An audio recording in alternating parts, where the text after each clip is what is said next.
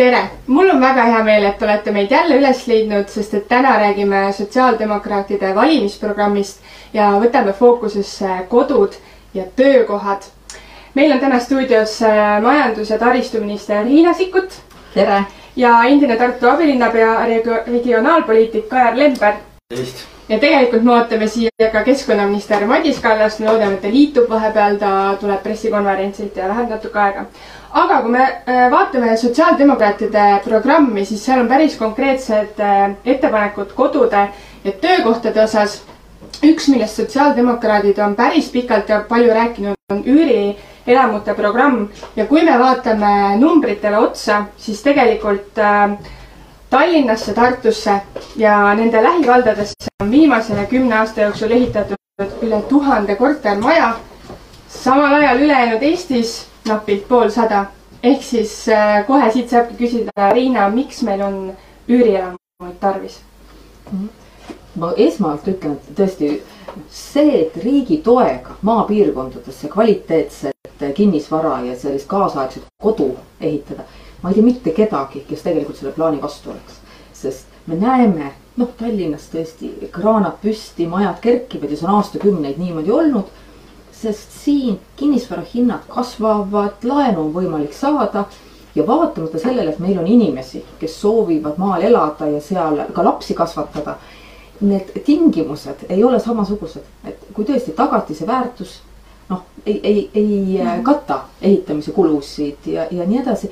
et siis ei, siis ei ole võimalik sul Tallinnaga võistelda ja noh, tegelikult ei peagi seda tegema et kui me vaatame ükskõik millist piirkonda, on see siis Saaremaa maal või, või Jõgeva ja Tartumaal, siis vajadus on olemas. meil on inimesi, kes soovivad töötada, on need siis arstid, õed, õpetajad, keda meil on vaja seal praegu, on vaja tulevikus või on kohalikud ettevõtted, kes tahavad endale töötajaid palgata ja töötaja kohe aga on seal lähedal üüriturg arenenud, kus ma elama hakkan. nii et äh, viimaste aastate jooksul see, need eelmised üürielamute programmid äh, on andnud tegelikult väga positiivse tulemuse. on äh, ehitatud siis kodusid töötajatele, noh näiteks Imaveres või äh, piirkonna noortele peredele Linnamäel. väga hea näide, käisin vaatamas nüüd kas kuu tagasi. lumes maja sees kümmekond kelku seisab, noh, ongi noor pere, kes kas ei jõua veel äh, kodu soetada äh, või ehitab parasjagu oma maja või on alles piirkonda tulnud, siis tal on võimalik seal üürida endale kodu ja ei saa, noh, ka majandus- ja taristuministrina, kes energeetika eest vastutab. noh, need on sageli tegelikult omavalitsuses võib-olla ainsad, näiteks A-energiaklassi majad. ja minu arust see on hea tõestus, kuidas energiatõhus hoone võimaldab kommunaalkulud alla tuua et tegelikult needsamad inimesed saavad võrrelda äh, kõrval kortermajas elava teise äh, perega, kellel pinda on kodus sama palju. aga arved on suuremad lihtsalt seetõttu, et maja on ehitatud võib-olla kolm-nelikümmend aastat tagasi. aga see, kuidas me praegu ehitame, see on hoopis midagi muud. nii et ühelt poolt me saame inimesed äh, maale elama, kaasaegne kodu, energiatõhus kodu, nii et võidab nii see inimene, kes peab arvet maksma, kui ka omavalitsus, kes saab endale eh, tubli elaniku ja maksumaksja, võidab ka ettevõtja, kellel on töökäed lähedal olemas. Ja, ja selle mõte on siis see, et äh, näiteks sel aastal juba viis miljonit pannakse sinna programmi, omavalitsused saavad siis sealt seal on taotlemise süsteem, eks ole, te võite mind parandada, ehk siis aga sotsiaaldemokraatide mõte on see, et, et see oleks veel suurem, see rahastus. Madis siin äh, noogutab kaasa, Madis saab kindlasti rääkida Saaremaa sellisest äh, kogemusest sel teemal, et. ja, ja ma ütlen, et tegelikult järgmine üürielamatuse voor läheb lahti nüüd tõesti mõne nädala jooksul.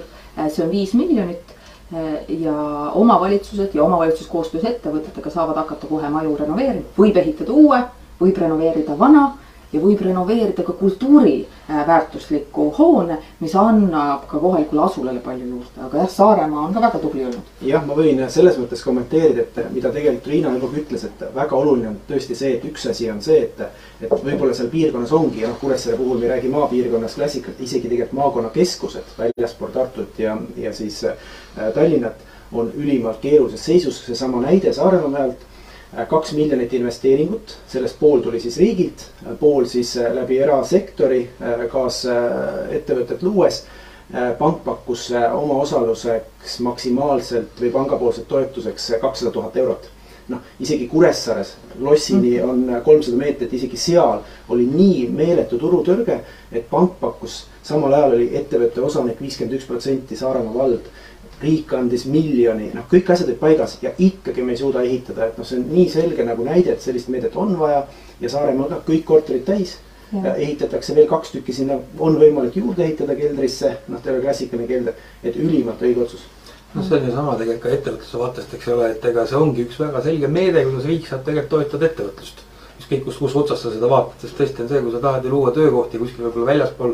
noh, Tallinna, mida kaugemal, seda suurem tegelikult seesama tagatise turutõrge on, eks ole, ja noh. me jõuame ju samal, samal näitel ka tegelikult võib-olla pärast meie selle ettevõtlustoetuste mõtteni, aga see on ju tegelikult täpselt sama, et ikkagi, kui sa ehitad tootmisjoonet, eks ole, et siis kui sa ehitad teda kuskile ta, ümber Tallinna, siis tal on nii-öelda panga jaoks üks väärtus, kui sa ehitad teda kuskile Saare või Setumaale, siis tal on teine väärtus ja. ja see ongi see riigi roll nii-öelda tegelikult tulla appi selle, kui me tahame, et regionaalpoliitika toimiks ja, ja tõesti Madise poolt see hea täpsustus, et Kuressaare kohta ju kehtivad needsamad eh, mured või turud. ja tõesti, kui me räägime sellest, et on vaja kaasaegset kvaliteetset elamispinda, mida turutingimustel ei ole võimalik luua, siis me räägime kõigist Eesti piirkondadest, mis jäävad väljaspoole Tallinnat, Tartut ja nende kuldseid ringe mm. -hmm. näiteks Valga on samamoodi linna rajanud lausa, lausa kaks, kaks üürimaja. et, et Eh, turu mõttes on ikkagi noh, tõesti siin Tallinn ja Tartu on sellised erandid, et kõike muud nähakse sarnasena või sarnaste riskidega piirkonnana panga jaoks. tänast kinnisvara hinda vaatad, seega tegelikult see ring ongi paar kolmkümmend kilomeetrit, täpselt nagu Tartus või Tallinnas, et ega peale seda juba läheb nii-öelda tegelikult see tagatise ja, ja mõistlikkuse piir nagu käest ära, nii et ja, ja kui me vaatame neid varasemaid üürimajade projekte, siis tegelikult äh, kohalike omavalitsuste tagasiside on ju see, et need ei ole tühjad. Neid kasutatakse ja neid on päriselt vaja ja, ja rahustada neid inimesi, kes mõtlevad, et nii, nüüd me ainult tahame uusi maju ehitada. et tegelikult programmis on kirjas ka see, et vanad äh, majad, mis on noh, ammu ehitatud, et need ka tegelikult ära renoveerida et seesama energiatõhusus ja need märgised, millest siin korra juttu oli, et tegelikult on seal vaadatud ka ikkagi nende vanemate majade poole. ja, ja noh, nüüd lisaks äh, ligipääsetavus ja, ja ka ümbritsev ruum, et kui me räägime, et riik midagi teeb, kahtlemata me peame mõtlema laiemalt kui ainult see, mis maja seinte vahele jääb. et see, et saab lapsevankri või ratastooliga äh, ilusti äh, mugavalt ilma treppe või uksepakke ületamata oma koju ja, ja ka see, et sul on prügimaja, laste mänguväljak, parkimiskohad, võib-olla elektriauto laadimisvõimalus, kus vaja. Et, et sa lood seda ruumi palju laiemalt ja, ja mõju sellele ümbritsevale elukeskkonnale nii neile inimestele, kes seal elavad, kui neile, kes seal liiguvad, on suurem kui ainult see nelja seina vahele jääb ja pluss seal on ka see oluline nüanss, et äh, see on sisuliselt äh, võtmed kätte ehk äh, pesumasinad, nõudepesumasinad, kõik kogu mööbel.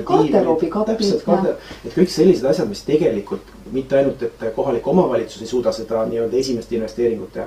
Tegelikult ka inimesel ei ole sisuliselt mitte midagi vaja ise investeerida, vaid kui ta on valmis tulema. ma tooks juurde ühe töö, töötajate grupi on ka tegelikult kohalike omavalitsuste spetsialistid, kes samamoodi Äh, liiguvad ja sooviksid minna kusagile teise piirkonda, äh, kus on kõik hea olemas, aga ei ole elukohta. et ka see grupp, aga jah, ta on sisuliselt valmis asi ja noh. ja, ja ka Madis siin väga olulise asja tõi äh, välja, et kui üürimajadega alustati, kas viis aastat tagasi, et siis ka see, mida rahastati või toetati, see oli natuke erinev. aga noh, omavalitsuste tagasiside on olnud nii hea kasvõi see, et kui, millisel määral peab korter olema sisustatud, et olekski see võtmed kätte lahendus nii et nüüd ka praegune voor, mis avaneb, et seal tõesti on seda tagasisidet maksimaalselt arvesse võetud, et oleks võimalik ehitada just selliseid kodusid, mida inimesed soovivad. ja, ja mis kohalike omavalitsuse jaoks küll igasuguseid teisi eesmärke aitab täita ja, ja tõesti ka seda energiatõhusat lahendust pakub ja, ja kui me räägime kodust, siis me tegelikult ju selle all mõtleme ka seda piirkonda, kus me elame, mis teenused seal on, kuidas me seal liigume. et siit saamegi minna programmis järgmise teema juurde, mis on ühistranspordi liinivõrk ja siis see nõudepõhine, nõudepõhine transport, et äh, mis see vaade meil seal on, kui programmi vaadata? Ma arvan, et ongi, kui vaadata nüüd Tallinnast, Tartust kahekümne, kolmekümne kilomeetri kohta, ega inimestel üks põhilisi muresid on ühistransport, et kuidas sa saad liikuma, isegi kui sul teenus ei ole kodu lähedal, aga kuidas ma sellele teenusele saan Mm -hmm. et, et kas see nõuab siis äh, auto olemasolu või on võimalik ühistransporti kasutades mugavalt liikuda, mugavalt liikuda kooli, avalikke teenuseid kasutama, aga ka noh, vajadusel sotsiaaltransporti, kui on erivajadusega inimene, et, et millised tingimused on loodud.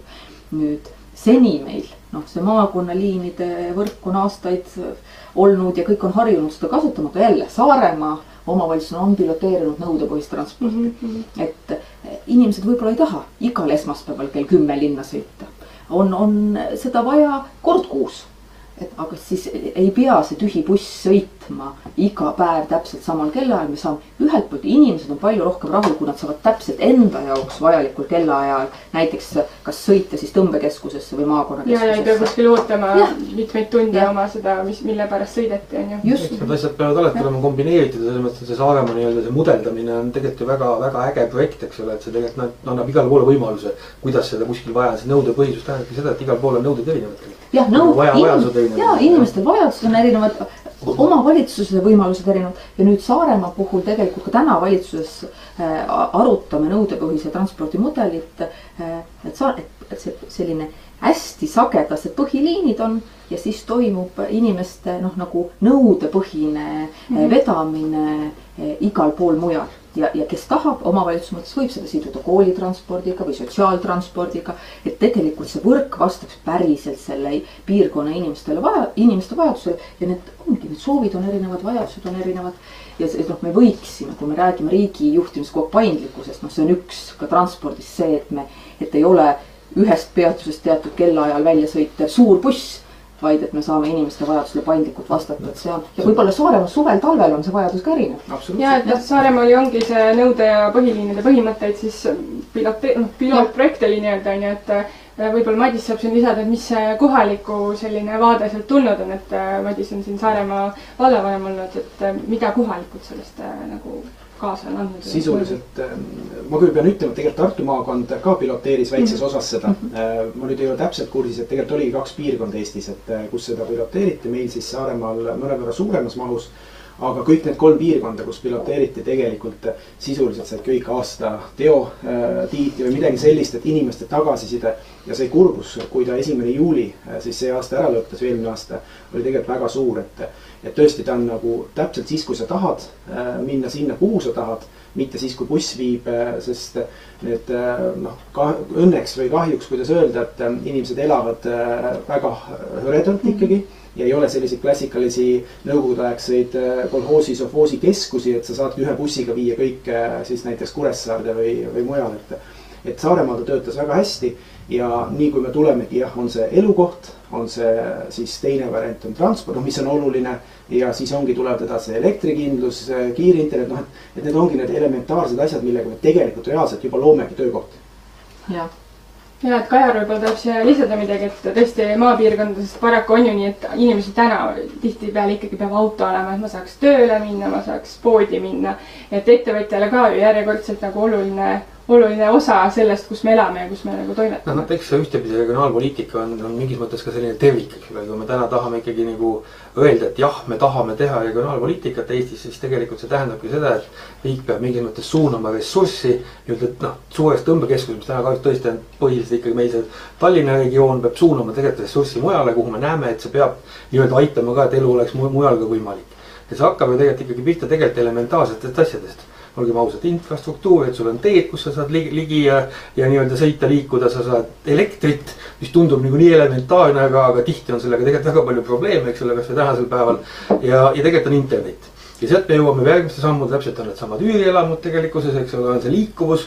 ehk transport saaks käima ja see ongi tegelikult kõik tervik ja kui keegi noh, nii-öelda sotse ei peeta väga selliseks ettevõtjate sõbralikuks nii-öelda nagu, nagu erakonnaks, siis ma tahaks öelda, et tegelikult on päris vastupidi, et kui mõelda tegelikult, mida saab riik ettevõtjateks teha, siis need ongi tegelikult need asjad, mida teha saab. See on loogiline, et ettevõtjad ise loovad töökohti. meie roll on tegelikult nagu tegelikult luua neid võimalusi, et nad saaksid neid nii-öelda luua, sest ettevõtja ei hakka tõenäoliselt ise ehitama koolimaja või, või, või ma ei tea, raudteed kuskil, eks ole, ja nii edasi, et see on nagu õige roll, et need asjad nagu kaardistada ja ma arvan, et see on üks asi, kus meie need mõtted, mis on programmi saanud, on nagu väga-väga õiged. kaasa arvatud see nii-öelda mõte tekitada sellist suuremat programmi, mis tegelikult ka nii töökohtade loomine kui tegelikult ikkagi ka tänaste töökohtade säilitamine, et need mõlemad on tegelikult eesmärgid, et üks ei ole nagu suurem kui teine, et tegelikult on mõlemad olulised ja ma arvan, et me oleme väga õigel suunal, suunal oma mõtetega liikumas ja, ja mis veel võib-olla ma vahele ütlen, et, et tegelikult ongi hästi palju arutletakse ja ma kujutan ette, et sarnaseid arutelusid on enamikes erakondades ja enamik, enamikes gruppides. Siis ma olen alati öelnud, et, et äh, juttu on väga palju, et, tahaks nagu näiteid, et mis toimivad või teeks midagi päriselt ära või. ja seepärast mulle meeldib, et ma tean, et hästi palju näiteid on nüüd Saaremaa pealt. aga olles ka seal vallavanem olnud ja, ja linnapea, et siis äh, mulle nagu meeldiski, et okei okay,, meil on probleem, meil ei ole kortereid mäletan, Urve Palo tuli kohale, arutasime, käisime ringi. siis oli probleem, et inimesed ei saa liikuma. Äh, on küll tasuta ühistransport, ikkagi ei sobi. et mulle just meeldibki, et tegelikult meie eestvedamisel mm, -hmm. siis mhm. sotside eestvedamisel on nii head asjad äh, lükatud käima. siis on tulnud ka teised, kes iganes on olnud siis peaministrid, on tulnud kaasa reaalsed sammud, et me ei räägi siin lihtsalt mingit hüpoteetilist juttu, et nüüd me teeme maapiirkonnas midagi. ei ole, need on konkreetsed hooned, konkreetsed projektid, konkreetsed inimesed nende taga ja mitte kümned inimesed, vaid tuhanded inimesed. ja vaata, siin on mõnes mõttes on kesk, keskkonnaministeeriumi valdkond, ega minuga võib-olla on, on vähe seotud selline asi, aga ma olen olnud ka tegelikult ka seitse või kaheksa aastat kunagi, kui asutati asutus nimega äh, Emajõe veevärk Sirgeva Tartumaal, eks ole, kogu see vee kanalisatsiooni teemad läbi kahe maakonna tol ajal tundus see nagu nii meeletu projekt, kuidas tegelikult nii-öelda võitlus käis selle peale, kas selle peaks panema Harjumaa tiheasustusaladele või tegelikult tooma nii-öelda nagu maale. kus on hajaasustust palju rohkem, aga tegelikult lahendati ühe suure projektiga ära. ma ütleks nagu pooleteist maakonna vee ja kanali süsteemid aastakümneteks. ja kui keegi täna noh, kujutaks ette, et kuidas saaks edasi elada, kui seda poleks tehtud, ma ausalt, ma isegi ei oska öelda, kuidas edasi saaks olla sest enamus asureid, kõik Tartumaa, kõik on sellega täna liitunud, süsteemid töötavad, asutus töötab ja noh, see on väga hea näide, kuidas tegelikult saab regionaalpoliitikat teha, kui on tahtmist ja jõudu ja kui neid näiteid vaadata, siis me ei räägi ju tegelikult lihtsalt sellest, et maal oleks elu võimalik, vaid et see oleks ka väärt, et sul oleks hea olla seal, et see oleks mugav. ja et see on nagu selles mõttes nagu väärtussüsteemi küsimus kindlasti ka. Äh, üks punkt on meil programmis veel, mille me siia tänaseks oleme välja korjanud, on see töökohtade loomine maapiirkondadesse, kus me saame mitte ainult uutest töökohtadest rääkida, aga ka kaugtööst. Äh, võib-olla Riina teeb siit selle jutu otsa lahti, et, et mm, mis see meie nagu laiem pilt selles mõttes siin on olnud, et me oleme kodust rääkinud, me oleme rääkinud äh, töökohast või töökohtadest on ju ja sellest ühistranspordist, et siis see töökoht on seal olulisel kohal. jaa, et nii koroona järel eriti, aga noh, ka infotehnoloogiliste võimaluste arenemise tõttu me näeme et on järjest rohkem kaugtöö tegijaid. tööandjad võimaldavad kodus töötamist, inimesed soovivad seda teha, nii et sa ei pea isegi kui transpordiühendus on olemas, sa ei pea suurde linna seda teed iga päev ette võtma, sa saad kodus töötada. ühelt poolt noh, inimene võib-olla kirjutabki ennast sisse, omavalitsusele laekub tema maksutulu ja nii edasi. ehk siis osa muutusest toimub iseenesest, samas nii nagu me ütleme, et, et, et automaatselt hakatakse ehitama kortereid äh, Tallinnasse, nii ka tootmishooneid, tööstusi. aga tegelikult meil neid töökäsi on ka maapiirkondades, et tuleb luua see keskkond ja vähemalt panna kõik mõtlema, et investeeringu tegemine oleks atraktiivne, et sul on see internet, maantee, äh, kanalisatsioon, elekter, kõik asjad on riigi poolt loodud. Mm, selline soodne koht, äh, kuhu oma tootmine rajada seda, et me teeme mingisugust odavat tööjõumahukat asja, ma arvan, selle peale ei peaks mõtlema ei riik ega, ega ükski ettevõte. aga tark tööstus, mis tähendab suurt investeeringut väga pikaks ajaks, aga nõuab suhteliselt vähe, aga ka nutikat tööjõudu. et riik saab pakkuda haridust, saab soodustada selliste investeeringute tegemist, ka nende investeeringute noh, selles mõttes toet-, näiteks käendusega toetamist, kui samamoodi panga jaoks sellise investeeringu tegemine nii kaugele Tallinnast on riskantne.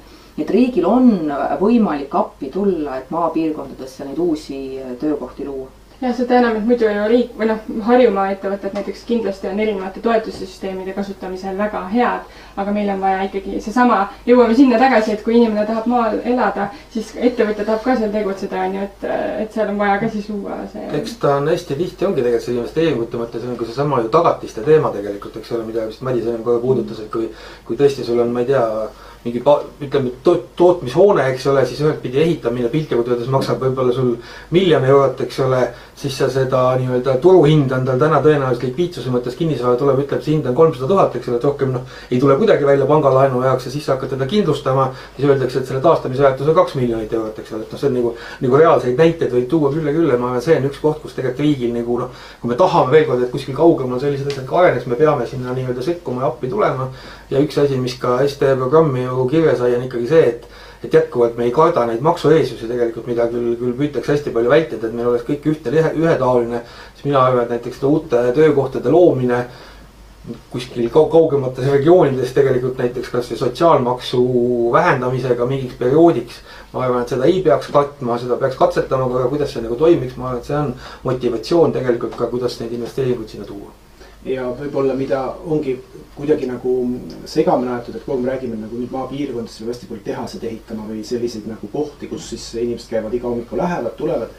tegelikult jah, neid on ka vaja, kui seda on vähegi võimalik teha, noh eriti piirkondades, kus on mingi ressurss olemas, võtame kasvõi siis äh, metsa näol mingites piirkondades ongi, teda on palju, teda on mõistlik seal või isegi teda, teda peabki seal väärindama aga tegelikult ka seesama kaugtöö, et uued töökohad piirkonnas on ka väga sagedasti seotud ju ainult kaugtööga, mida me peaksime rohkem riigi poolt äh, toetama, aga ka vaadates praegu vist oli Rikete kaardi peal kakskümmend viis tuhat inimest Eestis on ilma elektrita äh,. ei ole meil õnnestunud üks projekt, mida ma tegelikult ise väga lootsin, et õnnestub, on kiire internet äh,, mis ei ole läinud nii kiiresti edasi kui võib-olla üürimajad või midagi muud. et kui me need asjad suudame ära teha, siis tegelikult saavad näiteks ministeeriumid soodustavad praegu kaugtööd.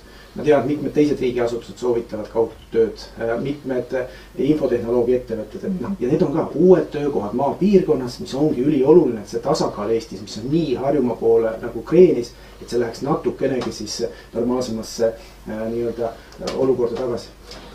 Ütleme nii palju, võib-olla ettevõtluselt ühelt poolt saab öelda alati, et mida, mida ettevõtja riigilt vajab, eks ole, siis kõige suurem asi, mida ettevõtja vajab, on see, et riik peaks võimalikult vähe segama ühelt poolt, eks ole.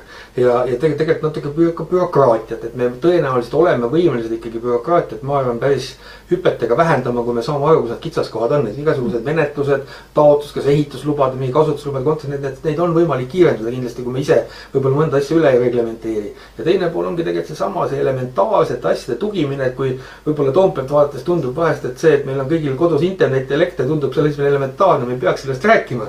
siis see aasta on neid näiteid juba päris mitu, kus tegelikult, tegelikult me peame sellest rääkima, sest tegelikult on seal probleemid jah, ja no meie programmis on siis konkreetsemalt, et aitame luua viisteist tuhat uut töökohta, aga siin on mõeldud ka ikkagi ettevõtete innovatsiooni, eh, investeerimist ja just seesama kaugtöö ja tegelikult tänases maailmas aidata võib-olla siis ka tõesti eh, ümber teha oma süsteemid, kuidas töötatakse, kuidas töötamisest mõeldakse, kus ma töötada täna võin.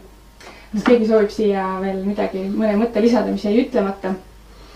Mina lisaks, mhm. kuna ma olen keskkonnaministrina ka veel tänasel ajal, siis ma tegelikult ütlen, et, et enamik nendest otsustest on ka väga olulised ka keskkonna vaates, seesama energiatõhusad majade ehitus, mis mhm. puudutab üürimajasid. teine on nõudepõhine transport, ei sõida tühjad bussid, vaid sõidavad autod või bussid siis, kui on seal inimesed peal. seesama, et inimesed ei pea käima iga päev, sõitma edasi-tagasi ummikutesse. täna me teame, et kui üks minister oli, istus, ma ei tea, kui kaua ta istus Tartu maantee peal, et võib-olla mingeid töid saab teha siis ka kaugtööna, jälle keskkonna jalajälg oluliselt väiksem. et lapsed ei pea käima äh, iga päev tund aega võib-olla trenni teed ja siis tagasi huviring, et, et kuidagi oleks ta oluliselt kompaktsem ja me peaks vähem liikuma ja noh, et keskkonna vaates ka ülioluline et võib-olla see sõnum ongi tõesti jälle need elementaarsed teemad, kes siin käis energiaga läbi, eks ole, et. et ka seesama päikeseparkide teema, mida me täna ühelt poolt ma saan aru, et riigil on keeruline võtta võrku, võtta kõiki neid väikseid parke. aga teiselt poolt ma ütleks, see võiks täna olla selline inimõigus, et iga inimene oma kodus selle viisteist kilovatti või kolmkümmend kilovatti, nagu me ka nüüd programmi pani, väikeettevõtted. saaksid selle püsti panna, see tegelikult ju ka vähendab kogu seda nii-öelda suurt energiavajadust jälle riigi vaatest ja ma arvan, et see on nagu olulised asjad, mis ei ole üldse nii-öelda väga suured, aga need tegelikult vajavad reaalseid investeeringuid, reaalseid samme. Ja ma arvan, et võtame ette. Täiesti nõus, et seal riskid on madalad, kulud on väikesed, ta ei ole te, noh, tehniliselt keeruline, et neid äh, äh, püsti panna või päikesepaneele katusele panna, et tegelikult kõik, kes soovivad seda teha, peaks, peaks saama. riik, riik ei pea isegi toetama, inimesed tahavad ise seda investeeringut teha, anname ainult neile võimaluse, eks ole. ja kui see jutt kokku võtta, siis äh, meie programmis ongi mõeldud siis, et oleks töökohti või et neid aidatakse ümber mõtestada vajadusel, et meil oleks rohkem elukohti, kus elada ja, ja et me saakski, saaksime ka liikuda nii äh, nagu inimestel tarvis on ehk siis väärt elu kõikjal Eestis. Mm, soovitan minna sotsid.ee leheküljele, vaadata üle meie programm ja, ja ma tänan Madis, Triinat ja Kajarit selle vestluse eest. me järgmisel nädalal ootame teid juba samal ajal siia tagasi, siis me räägi-, jätkame äh, regionaalpoliitikaga. me räägime kohalikul tasandi haridusest, kultuurist, sotsiaalvaldkonnast. meil on äh, järgmisel korral stuudios Rakvere vallavanem Maido Nõlvak, Riigikogu liige Reili Rand ja Elva vallavolikogu liige Marika Saar, mina olen Merilin Säde ja ma soovin teile kena päeva jätku. aitäh, aitäh.